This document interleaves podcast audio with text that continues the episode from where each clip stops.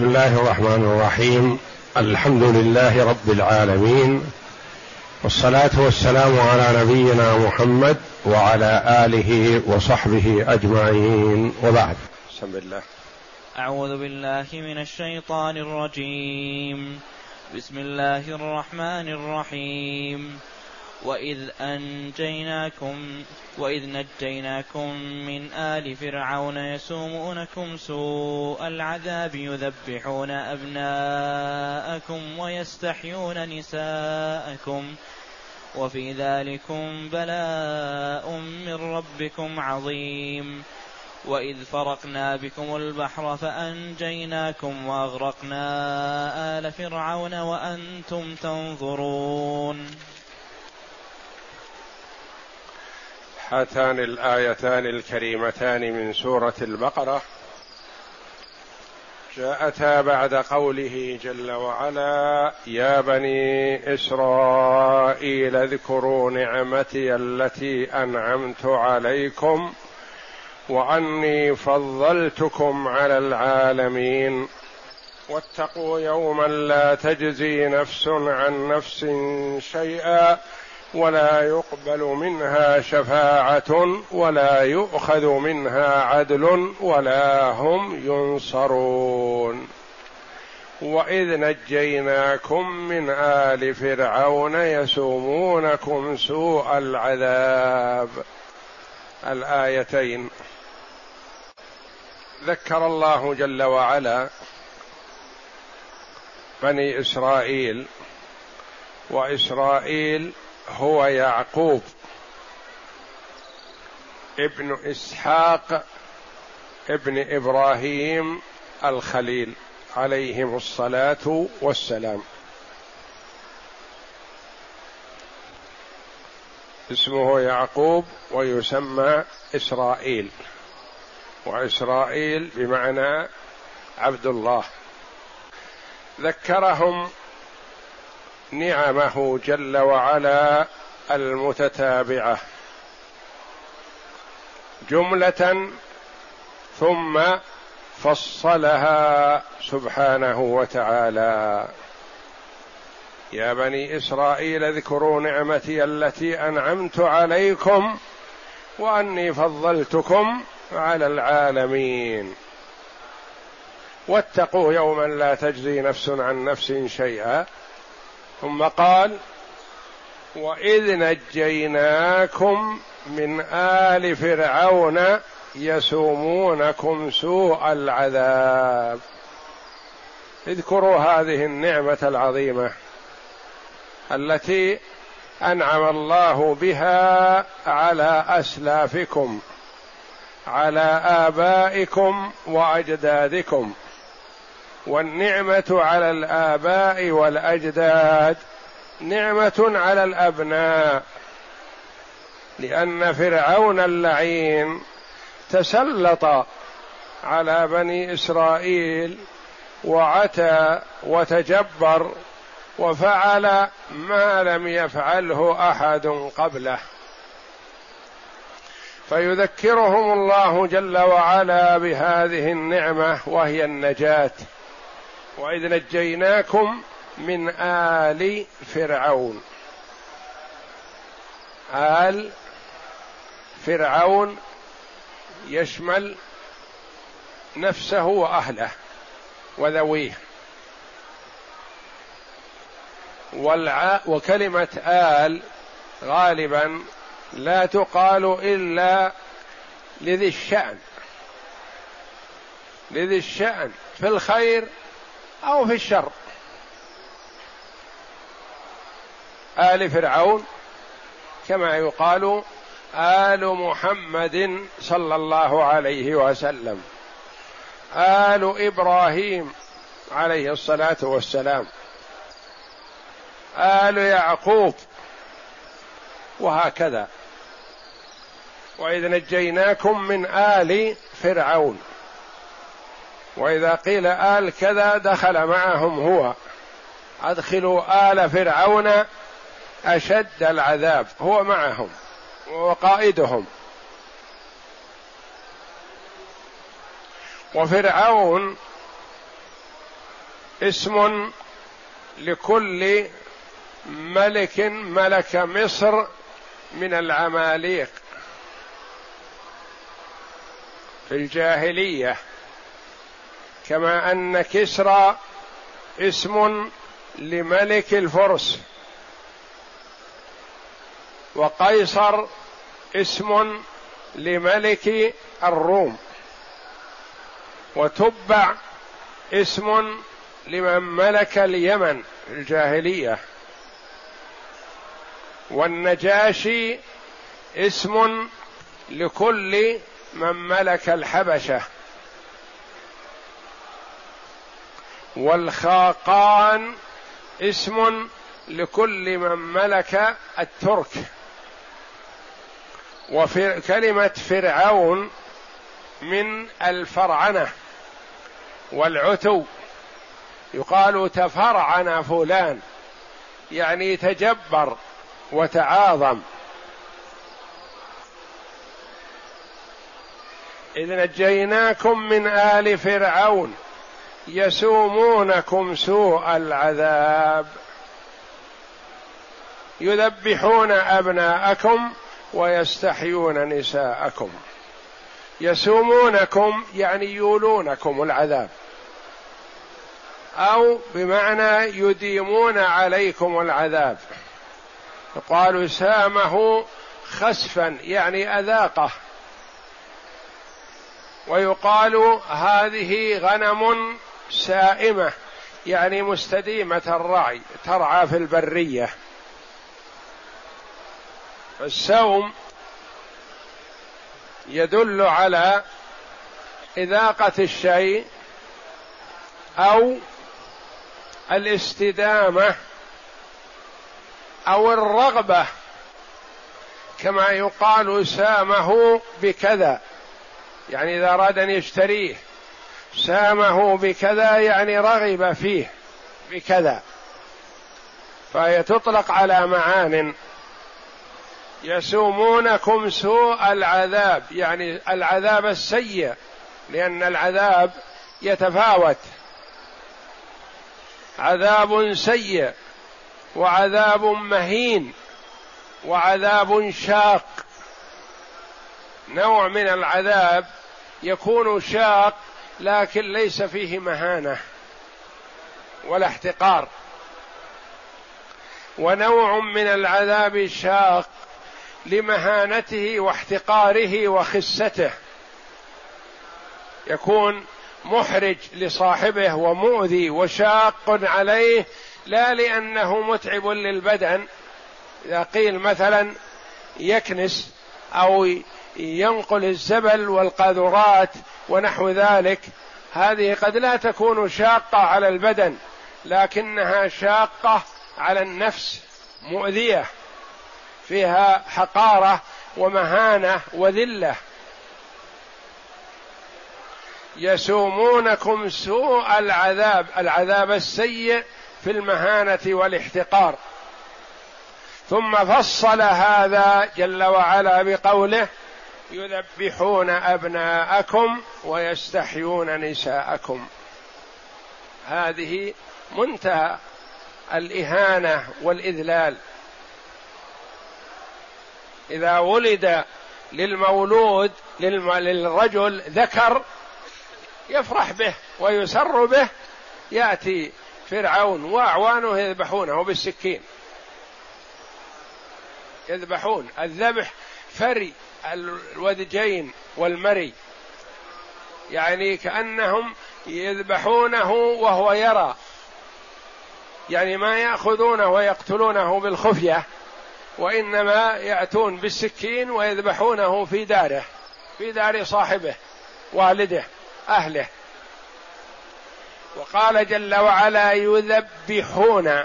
فيها شيء من المبالغة. ما قال يذبحون وإنما يذبحون فيها مبالغة بالكثرة يعني أنه ما يتركون أحد.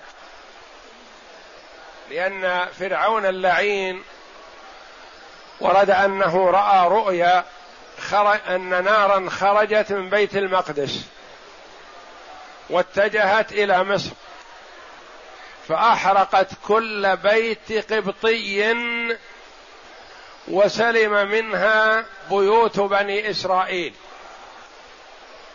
فطلب من يفسرها له فقيل له يكون هلاك القبط وهلاك فرعون على يد أناس من بني إسرائيل. فقال اللعين نحن نقضي عليهم. ما نتركهم حتى نمهلهم يقضون علينا. نقضي عليهم في المهد. ويروى أن المنجمين والكهنة قالوا له في هذا العام يولد مولود من بني إسرائيل يكون زوال ملكك على يده. فقال الأمر بسيط. كل مولود لبني إسرائيل نقتله. ووكل رجالا ونساء يدخلون البيوت فمن وجدوها حبلى وكلوا بها اناسا يراقبونها متى تضع. فإذا وضعت إن كانت بنتا تركوها وإن كان ذكرا ذبحوه حال ولادته. وقيل إنه ذبح منهم أكثر من سبعين ألف من مواليدهم. خشية من ظهور هذا المولود الذي يكون زوال ملك فرعون على يده. والله جل وعلا إذا أراد شيئا فلا أحد يستطيع أن يرد ما أراده الله جل وعلا. وما يغني حذر عن قدر. شيء مقدر. مهما حذرت ومهما اتخذت الاحتياطات والموانع والحواجز ما تنفعك. المقدر كائن لا محالة. والواجب على المؤمن الإيمان بالقدر. وأن ما أراده الله جل وعلا لا راد له. فانظر. ذبح مئات الأشخاص والآلاف. قالوا أنه ذبح أكثر من سبعين ألف أو سبعمائة ألف من مواليدهم. كل حذرا من موسى وموسى عليه الصلاة والسلام تربى في حجر فرعون.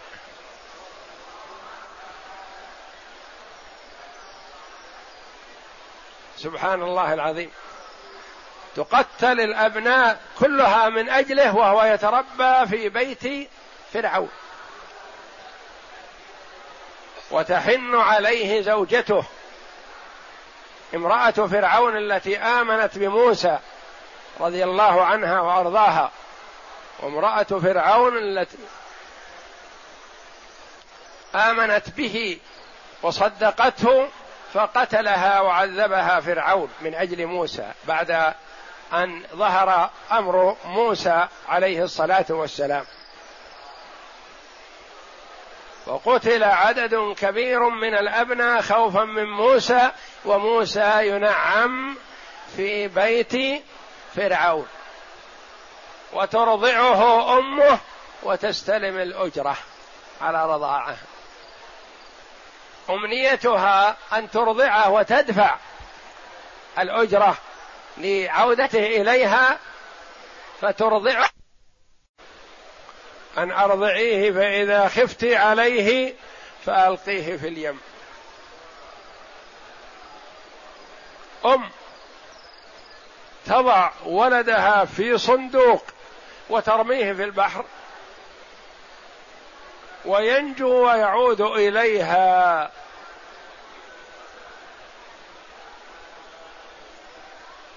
واذا خفت عليه فألقيه في اليم ولا تخافي ولا تحزني إن رادوه إليك وجاعلوه من المرسلين. وأوحينا إلى أم موسى أن أرضعيه. فإذا خفت عليه فألقيه في اليم. أمران. ولا تخافي. ولا تحزني نهيان. أنا رادوه إليك وجاعلوه من المرسلين بشارتان. أمران ونهيان وبشارتان في بعض آية. من بلاغه القرآن. يسومونكم سوء العذاب يذبحون أبناءكم. يذبحون أبناء بني إسرائيل.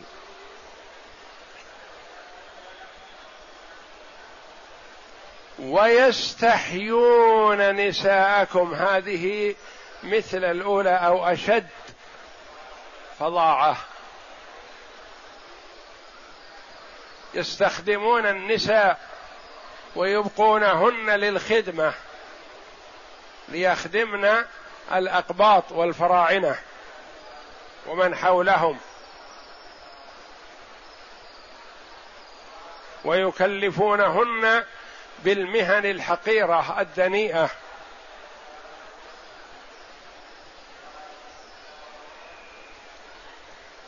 فبعض رجالات الجاهلية يئد البنات يعني يقتلهن وهن حيات يقول خوف العار.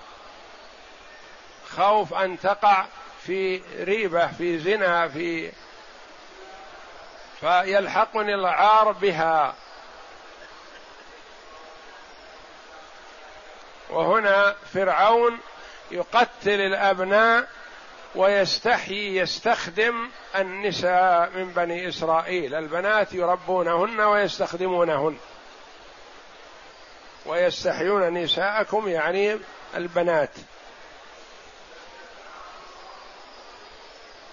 وفي ذلكم بلاء من ربكم عظيم. وفي ذلكم هذا الذي حصل من فرعون اللعين نحو آبائكم وأجدادكم لأنه اللعين عمر لحكمة يريدها الله زاد عمره عن أربعمائة سنة.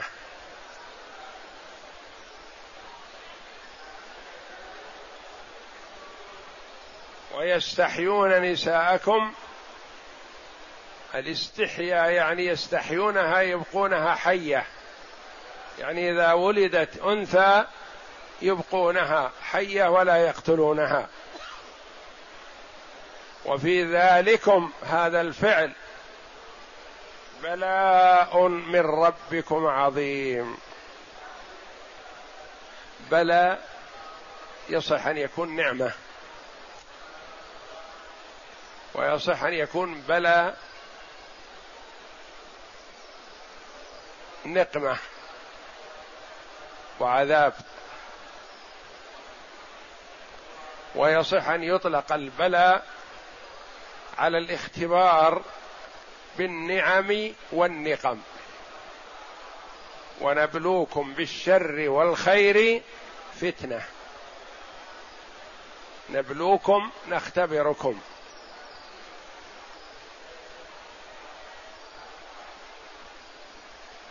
ما أبلى الله أحدا ما أبلاني به من الصدق. يقول كعب ابن مالك رضي الله عنه يعني أنعم الله علي بالصدق بنعمة ما أنعمها على أحد. وفي ذلكم بلاء من ربكم عظيم. بلاء بمعنى اختبار. اختبار. بلاء يعني نعمة. نعمة التي هي النجاة. أنجيناكم من آل فرعون بعدما كانوا يفعلون بكم كذا وكذا وفي هذه النجاة نعمة عظيمة عليكم. بلى بمعنى نقمة وشر.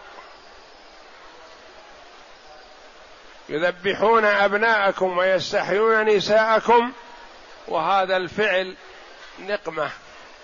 وشر وعذاب أليم عليكم وشديد. وهذا من بلاغة القرآن. تأتي الكلمة تدل على عدد من المعاني. وتصلح لكل واحد منها. بلى اختبار وبلى نعمة وبلى نقمة. والاختبار يظهر به قوة العبد وإيمانه وثقته بالله جل وعلا. والله جل وعلا يمتحن العباد بالنعم كما يمتحنهم بالنقم. فيمتحن العبد بالنعمة فإن شكر الله جل وعلا واستعان بها على الطاعة أصبحت له نعمة عظيمة ودرجات في الجنة. ويمتحن الله جل وعلا العبد بالنعمة فيسخرها في معصية الله ويستعين بها على معصية الله. المال يصرفه فيما يسخط الله. ويستعين به على المحرمات فيكون عليه هذا المال الذي هو نعمة يكون نقمة عليه. النقمة المرض والفقر. يمتحن الله جل وعلا به بعض العباد فينال الدرجات العلى. يصبر ويحتسب ويرضى بما قسم الله له.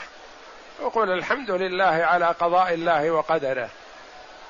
وهذا خير لي فينال به الدرجات العلى في الجنة. إنما يوفى الصابرون أجرهم بغير حساب. يبتلي الله جل وعلا العبد بالمرض والفقر والحاجة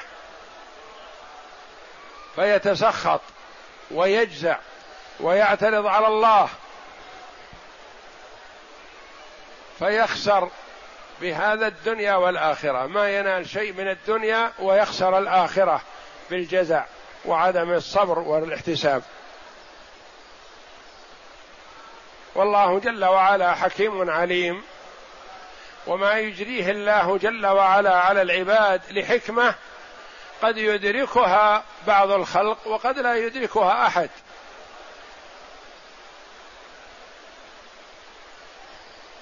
قد ينعم الله جل وعلا على العبد وهو يحبه. وينعم الله جل وعلا على العبد وهو يبغضه ويمقته. وقد يبتلي الله العبد بالجوع والفقر والحاجة والبؤس والرد في الأبواب وعدم القبول منه الناس. والله جل وعلا يحبه. ولا قيمة له عند الناس. رب أشعث أغبر مدفوع بالأبواب لو أقسم على الله لابره وقد ينعم الله وقد يبتلي الله جل وعلا العبد بالفقر والحاجة والمرض وهو يبغضه جل وعلا لأنه متسخط غير راض بما قسم الله له. فما يجريه الله جل وعلا على العباد قد تدرك الحكمة منه وقد لا تدرك. فهو جل وعلا أحكم الحاكمين. وما يجريه جل وعلا لحكمة قد يدركها الناس وقد لا يدركها. وفي ذلكم ما تقدم.